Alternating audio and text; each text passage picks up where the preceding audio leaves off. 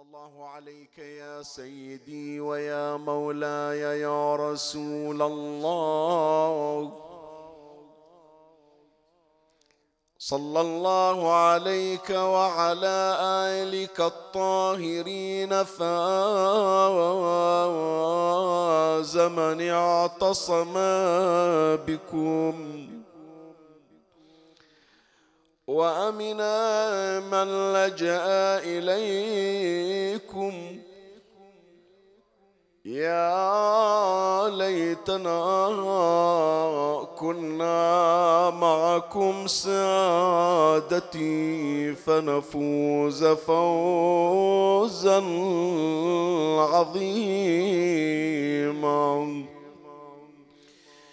جاء في الزيارة الجامعة الوارد عن إمامنا العاشر علي بن محمد الهادي.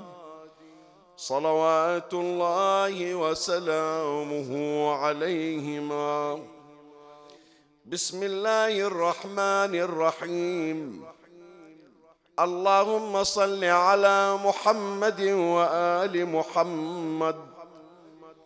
السلام عليكم يا أهل بيت النبوة وموضع الرسالة ومختلف الملائكة ومهبط الوحي ومعادن, ومعادن الرحمة وخزان العلم ومنتهى الحلم وأصول الكرم وقادة الأمم وأولياء النعم وعناصر الأبرار ودعائم الأخيار وساسة العباد وأركان البلاد وأبواب الإيمان وأمناء الرحمن وسلالة النبيين وصفوة المرسلين وعترة خيرة رب العالمين ورحمة الله وبركاته. وصلى الله على محمد وآله الطاهرين.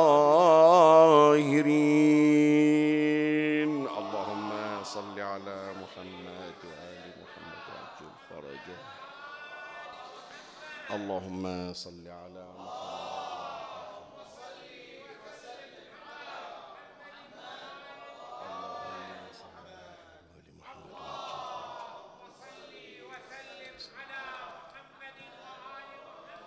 هذه هي الحلقة الثانية من السلسلة التي كنت قد ابتدأتها معكم وتحمل عنوان من شؤون أهل البيت سلام الله عليهم. وفي هذه السلسلة نتعرض إلى بعض من المقامات والعناوين الخاصة بأهل البيت عليهم السلام والتي صرحت بها النصوص المباركة والروايات الشريفة. وكنا في الحلقة الأولى قد أشرنا إلى شأن من شؤونهم عليهم السلام وهو شأن خزانة العلم. ومجرد إنعاش للذاكرة تحدثنا عن مجموعة من معاني لفظة خزان العلم. ماذا يعني خزان العلم؟ وأشرنا إلى ثلاثة من المعاني في الحلقة السابقة. أما هذه الحلقة فنأتي إلى شأن آخر من شؤون أهل البيت عليهم السلام. هذا الشأن هو أن الله تبارك وتعالى قد ولى محمدا وآل محمد صلوات الله عليهم أجمعين مهمة قيادة جميع الأمم. تولوا دفة قيادة جميع الأمم. هذا اللي يعبرون عنا أهل البيت ويعبر عنا الإمام الهادي في السلام. يخبرنا كيف نسلم على أهل البيت. نسلم عليهم بهذا العنوان أنهم قادة الأمم.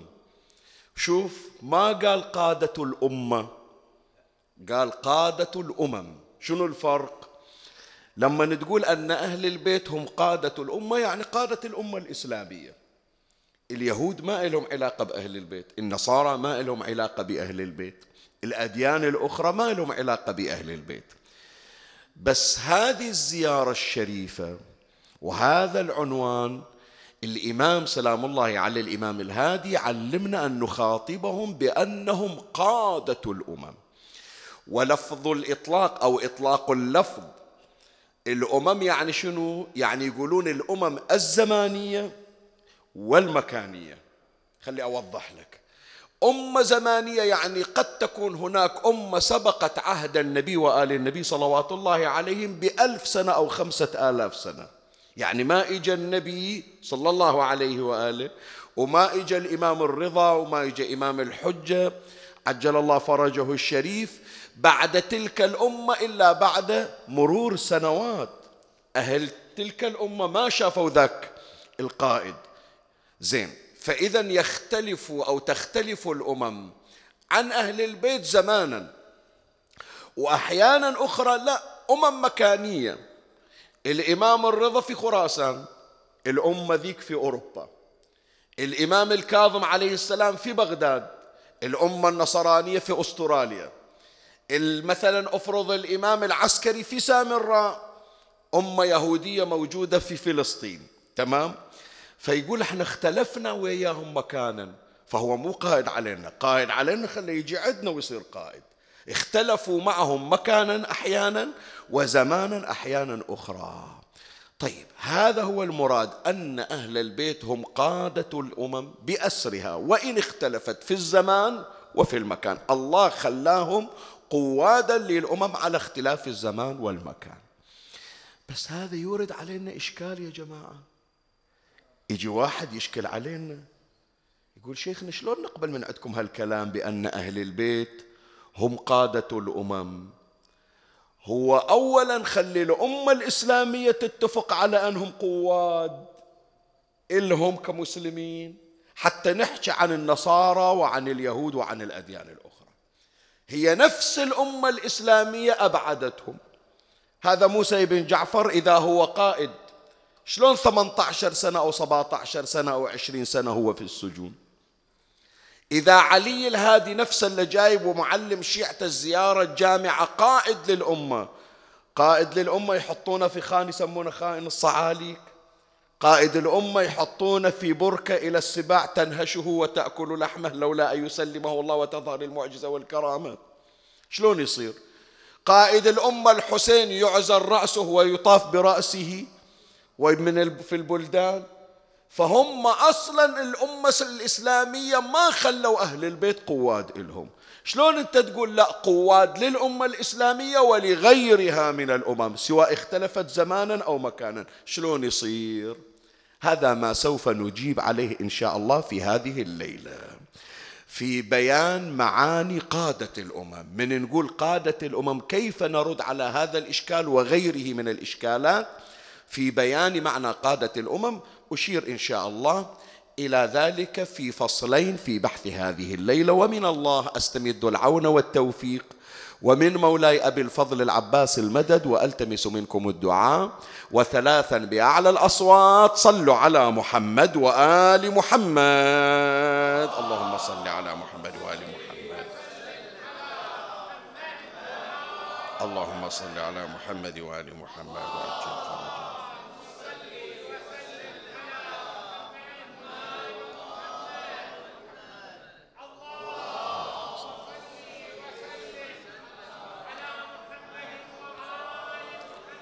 مولاي الكريم أنت حيثما كنت اسمعني وفرغ لي قلبك وأعرني سمعك وأقبل علي بكلك. بحث هذه الليلة هو الحلقة الثانية من سلسلة من شؤون أهل البيت عليهم السلام. وعنوان بحث هذه الحلقة معاني قادة الأمم. والبحث مكون من فصلين. أما الفصل الأول فنجيب على الذي يشكل علينا كيف نرى أهل البيت عليهم السلام قادة للأمم. نقول أن قيادة أهل البيت صلوات الله عليهم للأمم قيادة أخروية. شوف جنابك كل الأمم التي تراها اليوم عندها أديان يوم القيامة لن يدخلوا الجنة إلا بقيادة أهل البيت عليهم السلام. إي نعم. ودلت على ذلك روايات عدة موجودة من الفريقين من السنة ومن الشيعة. هذه الروايات تشير إلى أن الأديان السابقة الأمم السالفة زمانا وحتى مكانا لن يأتوا إلى الجنة ويدخلوها إلا إذا كانوا تحت مظلة أهل البيت وأقروا لهم بالقيادة. هذا مع العلم يا إخواني أن الأمم والأديان الأخرى لهم قوات. المسيحيون الذين هم على حق الديانة المسيحية لهم قائد وهو عيسى ابن مريم. اليهود الذين التزموا بالديانة اليهودية على قيادة أو تحت قيادة موسى الكليم الحنفية تحت قيادة إبراهيم وهكذا. كل أمة تخضع لقيادة نبيها. لكن في يوم القيامة كل ذول القواد يعني الأنبياء سيسلمون القيادة لمحمد وآل محمد صلوات الله عليهم أجمعين.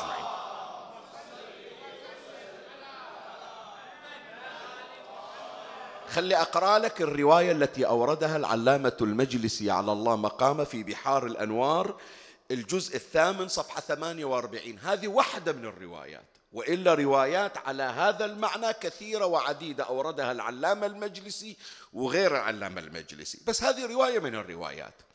الرواية عن الإمام موسى بن جعفر الكاظم صلوات الله عليهما. في قول الله عسى أن يبعثك ربك مقاما محمودا يشرح الإمام الكاظم عليه السلام ويفسر معنى هذه الآية. قال يقوم الناس يوم القيامة مقدار أربعين عاما.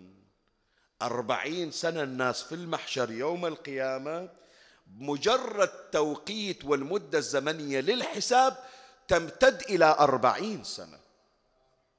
هذا اللي يستكثرها ساعات لما يروح إلى معاملة حتى يسلم فاتورة أو يستلم جوازة أو بطاقته ويتأخر نص ساعة يقول تأخرنا شوف الحساب يوم القيامة أهل البيت يشيرون إلى أنه يمتد بالناس. نعم هناك من يسهل الله تبارك وتعالى عليهم ويدخلون الجنة بغير حساب. ونسأل الله أن نكون من أولئك الذين يدخلون بشفاعة أهل, الجن أهل البيت الجنة بلا حساب. بس ال... الإمام سلام الله عليه يصف عن أهوال المحشر. قال يقوم الناس يوم القيامة مقدار أربعين عاما ويؤمر الشمس فيركب على رؤوس العباد. يعني الشمس تصهر رؤوسهم ويلجمهم العرق ويؤمر الأرض لا تقبل من عرقهم. الماء والعرق اللي ينزف ويوقع على الأرض لا حتى يمتلئ المحشر بعرق الناس. ويؤمر الأرض لا تقبل من عرقهم شيئا. زين يريدون الخلاص. يريدون الخلاص الآن. بعض المرويات من هول القيامة من هول القيامة حتى اللي محكوم عليه بالنار. يقول ودوني إلى النار أريح إلي من الوقفة في هذا المحشر. ودوني إلى النار ودوني إلى النار. النار وعذاب النار أهون علي من هذا العذاب عذاب الوقوف. ولهذا إمامنا الحسن عليه السلام دائما يكرر هذه العبارة. يقول أبكي لشيئين لفراق الأحبة وهول المطلع. زين متى هول المطلع؟ من تفسيراتها يعني إذا أخرج الناس للحساب يوم القيامة. يبكي منها الإمام الحسن وهو سيد شباب أهل الجنة. زين إحنا العصاة ما عسانا نقول يا إخواني ليلة ليلة جمعه ليلة توجه إلى الله ليلة تفتح فيها أبواب الرحمة. أسأل الله تبارك وتعالى أن يشملنا برحمته. كرروا يا إخواني الاستغفار هذه الليلة ويوم غد. من عليه ذنب فليستغفر الله. اللهم اغفر لنا ذنوبنا واشملنا برحمتك بحرمة محمد وآل محمد صلوات الله عليهم أجمعين.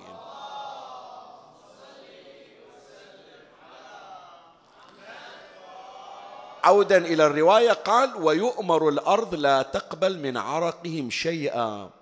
فيأتون آدم الناس كلها تفزع إلى آدم إلى أبي البشر احن عليهم. فيأتون آدم فيتشفعون منه. يقولون له يا آدم شوف لك دبرة أنت أبو البشر خلي الله يرحمنا طالت علينا المدة. فيتشفعون منه فيدلهم على نوح. آدم يقول ما أقدر أسوي لكم شيء. أنا أبو البشر ما أقدر أسوي لكم شيء. روحوا إلى آدم روحوا إلى نوح إن شاء الله عنده شفاعة أكثر من شفاعتي تختصر علينا هالمدة الزمنية. فيدلهم على نوح ويدلهم نوح على إبراهيم ويدلهم إبراهيم على موسى ويدلهم موسى على عيسى. يعني لا آدم ولا نوح ولا إبراهيم ولا موسى ولا عيسى عندهم شفاعة كافية في تخليص الناس من أهوال المحشر زين الحال عيسى يدبرها نبي الله عيسى ابن مريم يدبرها. قال أنا أدليكم على واحد هو اللي يخلصنا من أهوال المحشر. إيه، يقول الإمام هي تحتاج من عندك إلى صلوات عالية. فيقول الإمام موسى بن جعفر عليه السلام قال فيقول ويدلهم موسى على عيسى فيقول عليكم بمحمد خاتم البشر.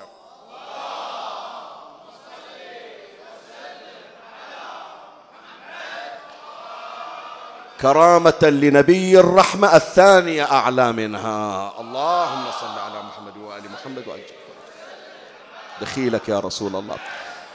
رزقنا الله وإياكم شفاعة الحبيب. اجعلوا الثالثه أعلى من الاثنتين. على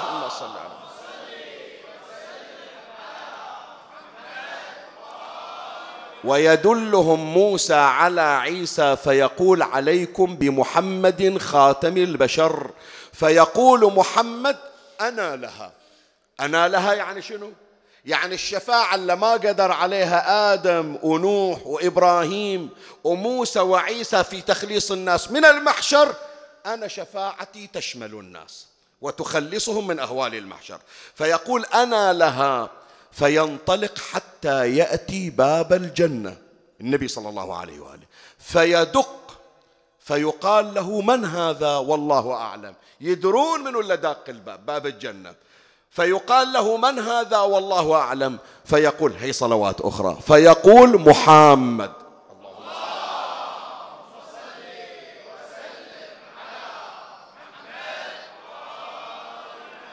شوية عمي خلي أوقف وياك. لحظة واحدة وأكمل لك الرواية. هي من دلالاتها مع العلم ترى ما بالتحضير هي موجودة بس هي من بركاتهم وأسرارهم. هذا من أسرار اسم محمد. إيه هالاربع حروف هذه لو تعلم ما فيها من أسرار. أبواب الجنان لا تفتح لأي أحد لكن سر فتح باب الجنة اسم محمد. جربوا يا إخواني إذا تعسرت عليكم الأمور الله لا يعسر عليك أمر. وإذا وقعت في ضائقه فرج الله عن كل مكروب ومهموم. خلي يجرب الاستعانة باسم النبي. ومن هنا يا إخواني من نقرأ في سيرة المعصومين.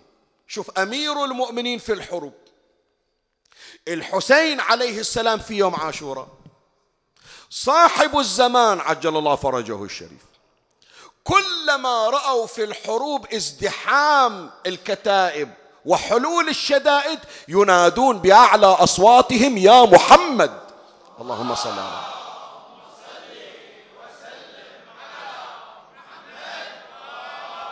يسمون أمير المؤمنين فلال الكتائب. شلون الكتائب هذه كلها تنجثل بسر اسم النبي. الحسين عليه السلام عمار ابن يغوث يقول رأيت حسينا كلما شد على القوم. انجفذوا بين يديه. انجفال يشد عليهم فيشدون عليه ثم يشد عليهم فينكشفون عن يديه انكشاف المعزى إذا شد عليها الذئب. سر انكشاف الأعداء باسم رسول الله صلى الله عليه وسلم. حسين يكررها يا محمد يا محمد. حتى ملء الأرض قسطا وعدلا بعدما ملئت شنو؟ ظلما وجورا. لا يقف شيء أمام وجه صاحب الزمان لأن شعار صاحب الزمان في يوم ظهوره يا محمد. هاي واحدة من دلالات الرواية يا إخواني. أبواب الجنة الثمانية مغلقة فتحها اسم نبينا محمد صلى الله عليه وآله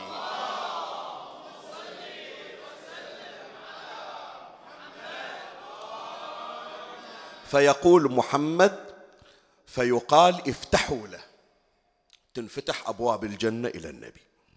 فإذا فتح الباب استقبل ربه يعني استقبل رحمة الله عز وجل.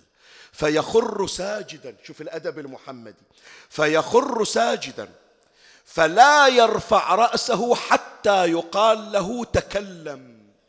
احكي أبا القاسم إيش عندك؟ جاينا إيش عندك من حاجة نعطيك تكلم وسل تعطى واشفع تشفع.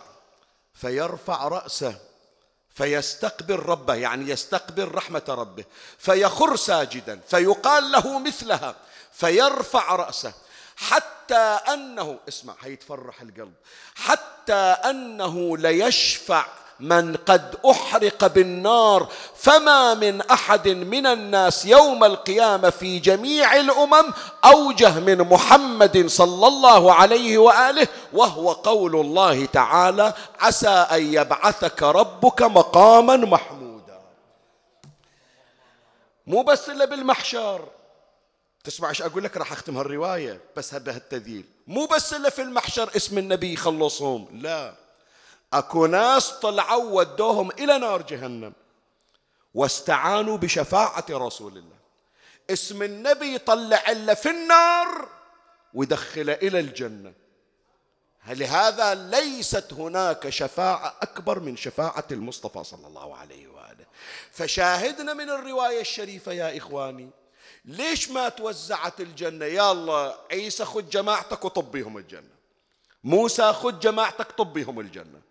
إبراهيم خذ جماعتك طبهم الجنة. نوح خذ جماعتك طبهم الجنة. كل نبي ياخذ جماعته وط... لا.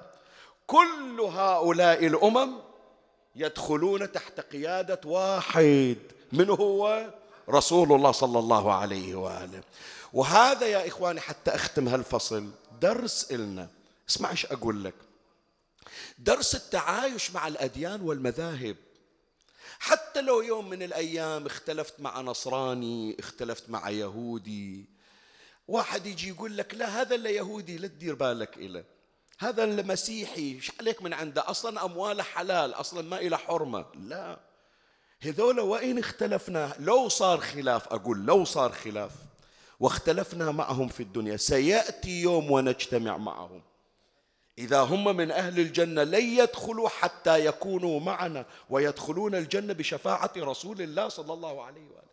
ولهذا أهل البيت يعلمون كيفية التعايش مع الأديان. أمير المؤمنين سلام الله عليه مر في يوم من الأيام في شوارع الكوفة وياه ابن أبي رافع خازن بيت المال اللي يوزع الرواتب عند الدفاتر. هذا مصري هو. إذا تتذكرون إحنا حاكين عن سيرة أبو رافع. وعن أولاده وعن زوجته كلهم خدموا أهل البيت. هذا هو مصري جايبينه من مصر. وصار عبد عند العباس بن عبد المطلب. ووهب إلى النبي والنبي أعتق وقام يصيح أنا عتيق رسول الله. وزوج النبي وجاب أولاد اثنين عبد الله وعبيد الله. وبعضهم يقول عنده ثلاثة واحد الثالث اسمه علي. كلهم اشتغلوا في خدمة أهل البيت. زوجته سلمى زوجة أبي رافع مع الزهراء في آخر لحظات حياتها. فيمشي أمير المؤمنين ويا ابن أبي رافع. ومروا على يهودي. اليهودي قاعد على الشارع ومسن ظهره على الجدار وماد إيده إلى الناس. أمير المؤمنين التفت إلى ابن أبي قال ما هذا؟ أنا من متى عندي ناس تتسول في الطرقات؟ اذا شنو وظيفتي أنا؟ قال له يا أمير المؤمنين بس أخبرك ترى هذا مو مسلم هذا يهودي ويهودي ما مسجلين إحنا. الدفتر هذا اللي عندنا مسجل فيه أسماء المسلمين هذا يهودي وكبير في السن. قال استخدمتموه شابا وتركتموه شيخا. يوم اللي بعده نشيط ويقدر يشتغل. ما قلتوا يهودي جبتونا وشغلتونا. يوم كبر وعجز ذبيتونا بالشارع لأن ما عنده أحد. قيدوا اسمه وأجروا له عطاء. وصار أمير المؤمنين يتفقد حاله. وخلي أفرح قلبك بعد. حتى تعرف عمي لما تتولى علي بن أبي طالب تعرف من هو علي بن أبي طالب. تعرف عمي ليلة عشرين شهر رمضان. غير إحنا نقراها مصيبة أمير المؤمنين ومرض أمير المؤمنين. تدري إجوا عشرين يهودي أعلنوا إسلامهم على يد علي بن أبي طالب. أمير المؤمنين ملتفت للحسن يقول له سد الباب ما عندي طاقة أستقبل أحد. دخل بس الأصبغ بالنباتة شوية وإذا الحسن اجى إلى أبي. قال له أبويا جماعة يهود جايين. قال خليهم يدخلون. وطبوا وقالوا يا أمير المؤمنين إحنا جايين نبايعك ونعلن لك إسلامنا لأننا عشنا في دولة العدل والإنصاف ما رأينا مثلها يا أمير المؤمنين. هكذا هو التعايش يا إخواني. هذول وين اختلفنا معهم في الدنيا؟ جعلت هذه الاختلافات السياسة وغير السياسة. لكن سيأتي يوم يجمعنا فيه رسول الله صلى الله عليه وآله. فاذا اللي يقول شيخنا شلون الأئمة قائدة الأمم؟ قادة الأمم كل الأمم يوم القيامة لن تدخل الجنة إلا بشفاعة محمد وآل محمد صلوات الله عليهم.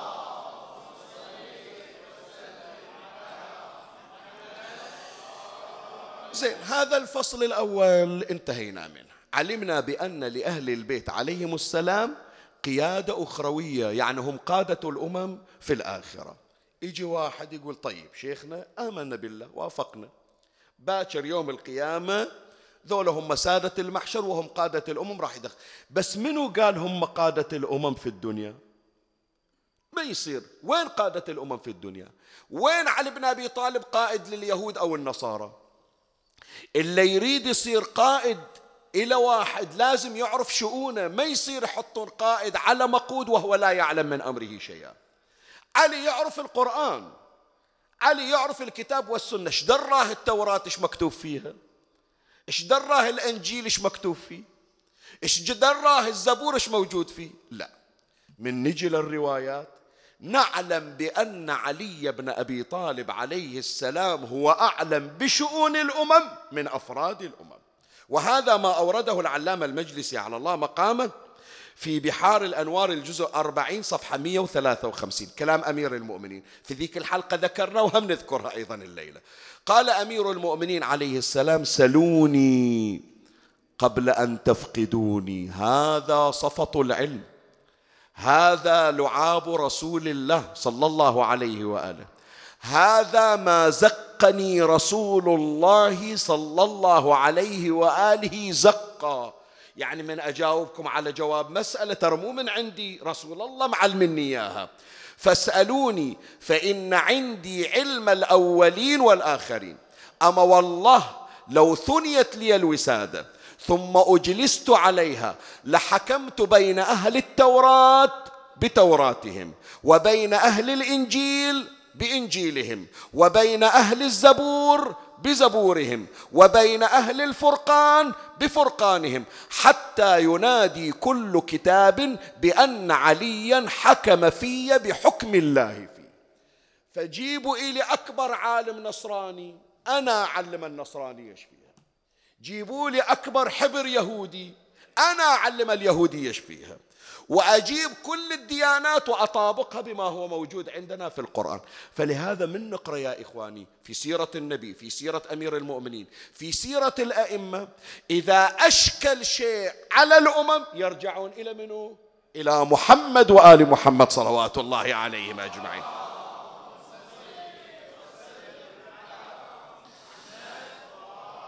فالأمم يرجعون إلى أهل البيت في أزمنتهم لأنهم أكثر الناس إحاطة بشؤون الأمم.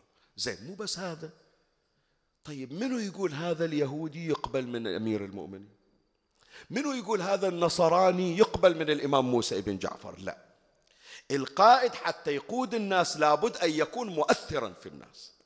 وأهل البيت يمتلكون التأثير يا إخواني. تعرف شلون يعني؟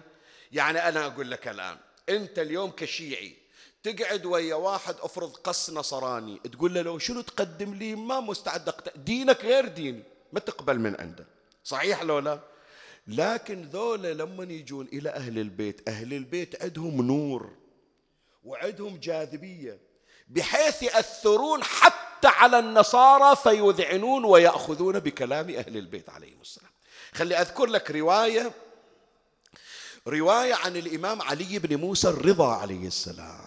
يرويها العلامة المجلسي رضوان الله عليه في بحار الأنوار الجزء 14 صفحة 332 جايبين أكبر رؤوس النصارى يسمونه الجاثليق يعني أعلى رتبة علمية عند النصارى. وقعد وياه الرواية طويلة ما نقدر نجيبها كلها بس ماخذ منها موضع الشاهد. قعد وياه الإمام الرضا وعلم الإنجيل إيش يحتوي يذكر له بالأسفار بالصفحات بالأسطر. ويجيب له أسماء يقول ما موجود عندك أنت بالإنجيل مالتك هالاسم؟ يقول إيه؟ منو صاحب هالاسم؟ يقول ما أدري. بس إحنا حافظين الاسم. منو أبو الاسم؟ ما ندري. الإمام يعرفه يعرفه بكتبهم. خلي أقرأ لك هالفصل كيف استطاع الإمام الرضا عليه السلام أن يؤثر في أمة النصارى؟ قال أعلمت ذلك يعني عقب ما الإمام الرضا ويا هذا الجاثليق ويا النصارى وضح لهم الموجود عندهم في إنجيلهم. يقول أعلمت ذلك؟ اسمع ذول النصارى شي يقولون للإمام الرضا؟ قال الجاثليق أما هذا فلم أعلم. يقول أنا حياتي كلها دراسة في الأناجيل ما علموني أول مرة أسمع. أما هذا فلم أعلمه. وقد علمته الآن وقد بان لي من فضل علمك بالإنجيل وسمعت أشياء مما علمته شهد قلبي أنها حق فاستزدت كثيرا من الفهم. يقول أنا ما ظلت كنيسة بالعالم إلا درت عليها آخذ دروس وأعلم الناس. لكن العلم اللي سمعته اليوم من الأناجيل ما سمعته بأي كنيسة ولا قريته بأي كتاب. ما سمعته إلا من علي بن موسى الرضا سبط نبينا محمد صلى الله عليه وآله.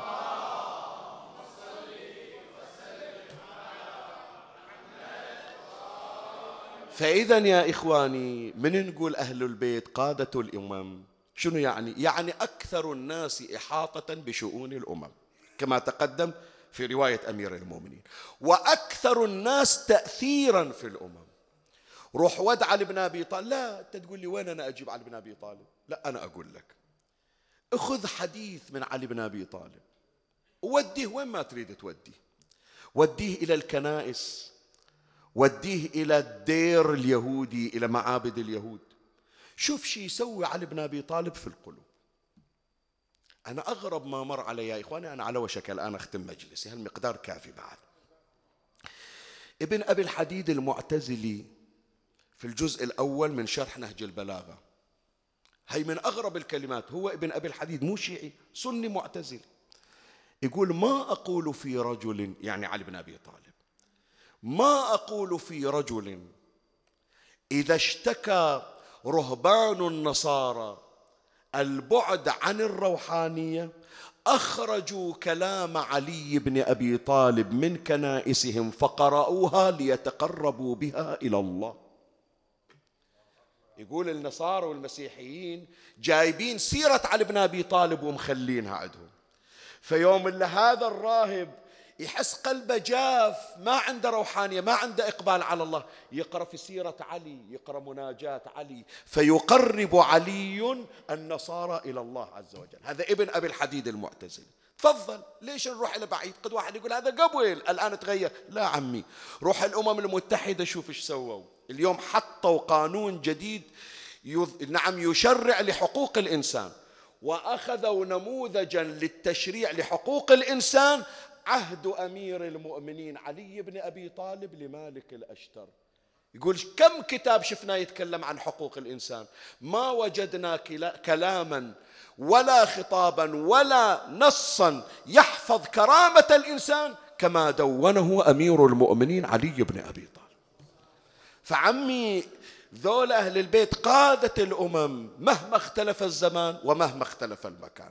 ومسك الختام يا إخواني سيأتي يوم سيأتي يوم. أقول سيأتي يوم. وبات هذا اليوم وشيكا إن شاء الله. ستجتمع الأمم كلها تحت راية رجل واحد. هو صاحب العصر والزمان. الحجة بن الحسن عجل الله فرجه الشريف. شايف السنوات الأخيرة قمنا نسمع عن رؤساء دول قاموا يقرون عن المهدي أكثر وأكثر. سيأتي يوم كل الأمم تجتمع تحت رايته. مسك الختام الرواية يرويها العلامة المجلسي على الله مقامه في بحار الأنوار الجزء التاسع صفحة 195 الرواية عن الإمام الباقر عليه السلام. قال إن عيسى يعني عيسى ابن مريم. إن عيسى ينزل قبل يوم القيامة إلى الدنيا. فلا يبقى أهل ملة اسمع الإمام الباقر يقول فلا يبقى أهل ملة يهودي ولا غيره إلا آمن قبل موته ويصلي خلف المهدي. يجون كلهم عمي يدخلون في الإسلام مو بالجبر ولا بالإكراه وإنما حبا في الإمام سلام الله عليه. وسوف يأتي يوم في آخر الزمان تجتمع كل الأمم فتصلي خلف إمامنا الحجة بن الحسن. عجل الله فرجه الشريف. تالي شفت باكر دعاء الندبة اللي تقراه؟ تسمعني عمي لو لا؟ سامع دعاء الندبة اللي باكر راح تقراه؟ يجي ذاك اليوم هو حبيب قلبك اللي راح يقرأ لك الدعاء. إيوه. هنيالكم عشاق الإيمان. قلبك المحروق كل جمعة بل في كل يوم. من توقف تصلي وراه تالي هو من يخلص من من الصلاة. يدير وجهه إليك وهو اللي يقرأ لك الدعاء.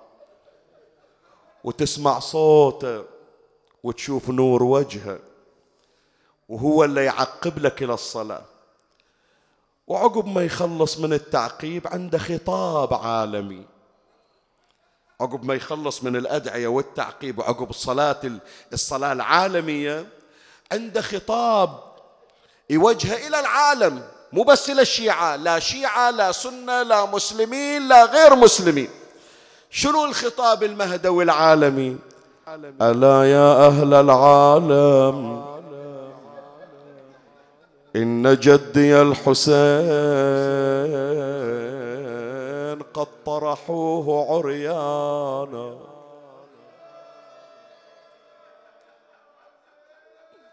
فدوى أروح لدموعك فدوى أروح لولائك. منو يقول دمعة أهل الهملة ما تنزل إلا فقط في محرم؟ عشاق الحسين عمي يقول فيهم الرضا فليبكي الباكون. دموعهم مجف على الحسين. أول محرم مثل ثلاثين ذي الحجة كلها حسين. ألا يا أهل العالم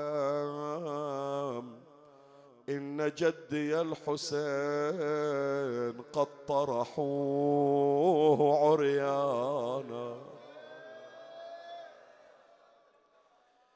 ألا يا أهل العالم إن جدي الحسين قد سحقوه عدوانا.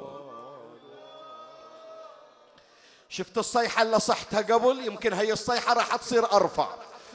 ألا يا أهل العالم إن جدي الحسين قد قتلوه عطشان لا يذبح الكايبش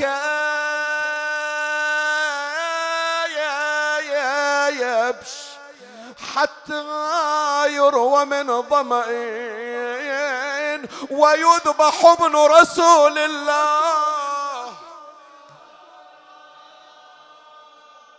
هذا وين؟ هالصيحة وين يا جماعة؟ هالنداء العالمي وين يقرأ صاحب الزمان؟ بكربلة بكربلة. تحوط يم الأنبياء والأملاك والناس وتطلع بوسط البار يا جثة. بلا راس. موزع الأعضب كثر ما بالخيل. من داس جثة بلا شفين من النحر منحوم. ما تخليني أقرأ لك ترى كل بيت يهيج أكثر من اللي قبله. ويلي يصرخ الحجة ودمعته بخده جريه ويصيح جدي جثة ظلت رمية وصعدت على صدره خيول الأعوجية خلت أوصال مقطعة والصدر مكسور. شفت اللي سمعته؟ اسمع البيت الثالث. تكسر الخاطر عمتي يوم السبوها تكسر الخاطر عمتي يوم السباها ويا اليتامى في المجالس وقفاها سادة وكل ما تنادي يا علي سبوا أبوها يا وعقب الخدر والصان مسبية على كون.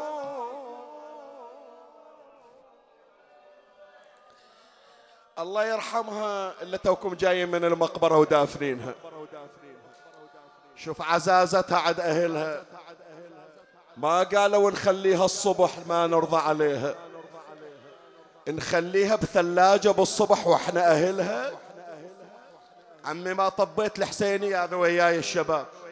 الحسينية خالية ما متعود. وينهم الجماعة ما حضروا قالوا بالمقبرة يدفنون عزيزتهم. ما يريدون يخلونها غريبة ما عدها والي.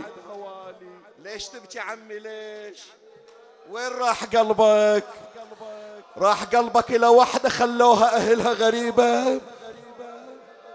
إيه يا زينب دخيل زينب. أقرأ هالكلمتين وأنزل. أخلي ثوابها إن شاء الله نور إلى ضريح المرحومة. تسمع إيش قالت؟ أنا كنت أمر وأنهي بكلمتي حاضرة كلها عمامي وأخوتي. اليوم يضربوني من هلا دمعتي. وانشتم لو أحكي فد حكايه فرض ضحوية فقدت قومي وهلي وكني لابت فاطمة ولابت. عليك علي أقرأ البيت وسمعني صوتك. فرض ضحوية فقدت قومي وهلي كني لابت فاطمة ولابت. علي علي من العشيرة ما بقى واحد إلي. حرملة ويا الشمر حداية. من يشوفون دمعتها وإذا الصوت نازل على ظهرها.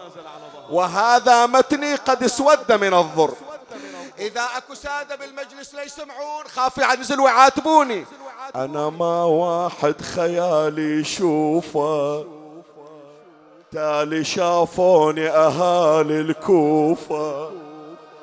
على الجمل ايدي بحبل مجتوفة. جابني وضيعني راعي الرايه أنا ما واحد خيالي شوفه تالي شافوني أهالي الكوفة. على الجمل ايدي بحبل مجتوفة جابني وضيعني راعي الراي. إيه أنا ضيعني الوالي.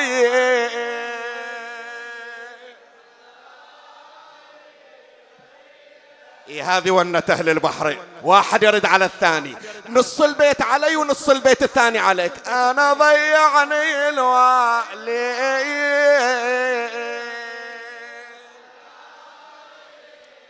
عيني عليك باردة.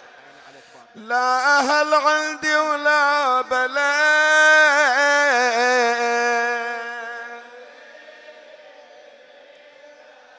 تحفظ له لا عني. إيش دعوة يا علي؟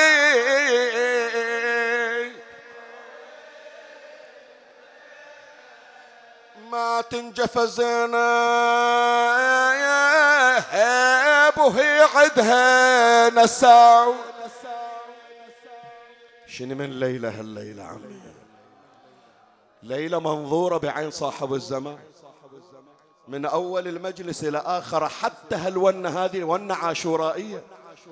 ما يقولون أهل الهملة قاعدين بربيع كأنهم في عاشور وونون. أقرأ بيت ما قارن أول مرة أقرأ. بنية قضاء الحاجة. إلا سألونا الدعاء ولا وقفوا على باب الحسين يا شيخنا لا تنسانا.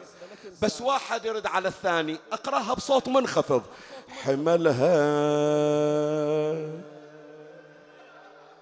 حملها. أمس عباس لزينب حملها. وحملها لو وقع يعدي حملها اليوم الشمر قوة. اليوم الشمر قوة حملها ضربها وصاح هذه خارجية. ضربها وصاح هذه خايا.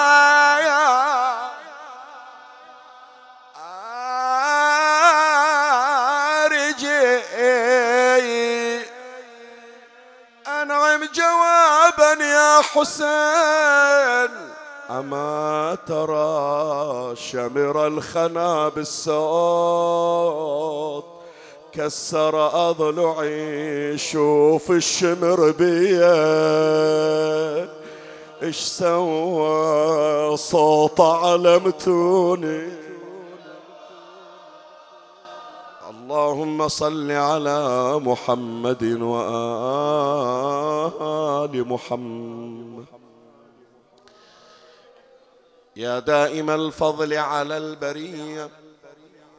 يا باسط اليدين بالعطيه يا صاحب المواهب السنيه صل على محمد وآله خير الورى سجيه واغفر لنا يا ذا العلا في هذه العشيه بك يا الله بمحمد بعلي بفاطمة بالحسن بالحسين بعلي بمحمد بجعفر بموسى بعلي بمحمد بعلي بالحسن بالحجة ابن الحسن بجاه أم البنين بجاه ولدها كاشف الكرب عن وجه أخيه الحسين بجاه كل ذي جاه عندك اقض حوائجنا يا الله. قدموا حوائجكم إخواني.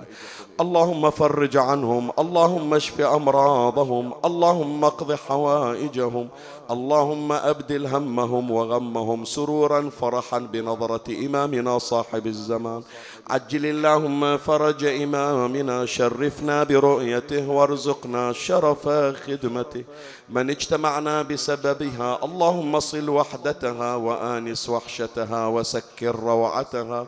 خفف اللهم عنها ثقل الثرى واغفر لنا ولها يوم يقوم الحساب.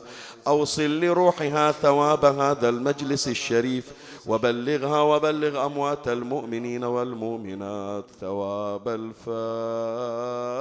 مع الصلوات.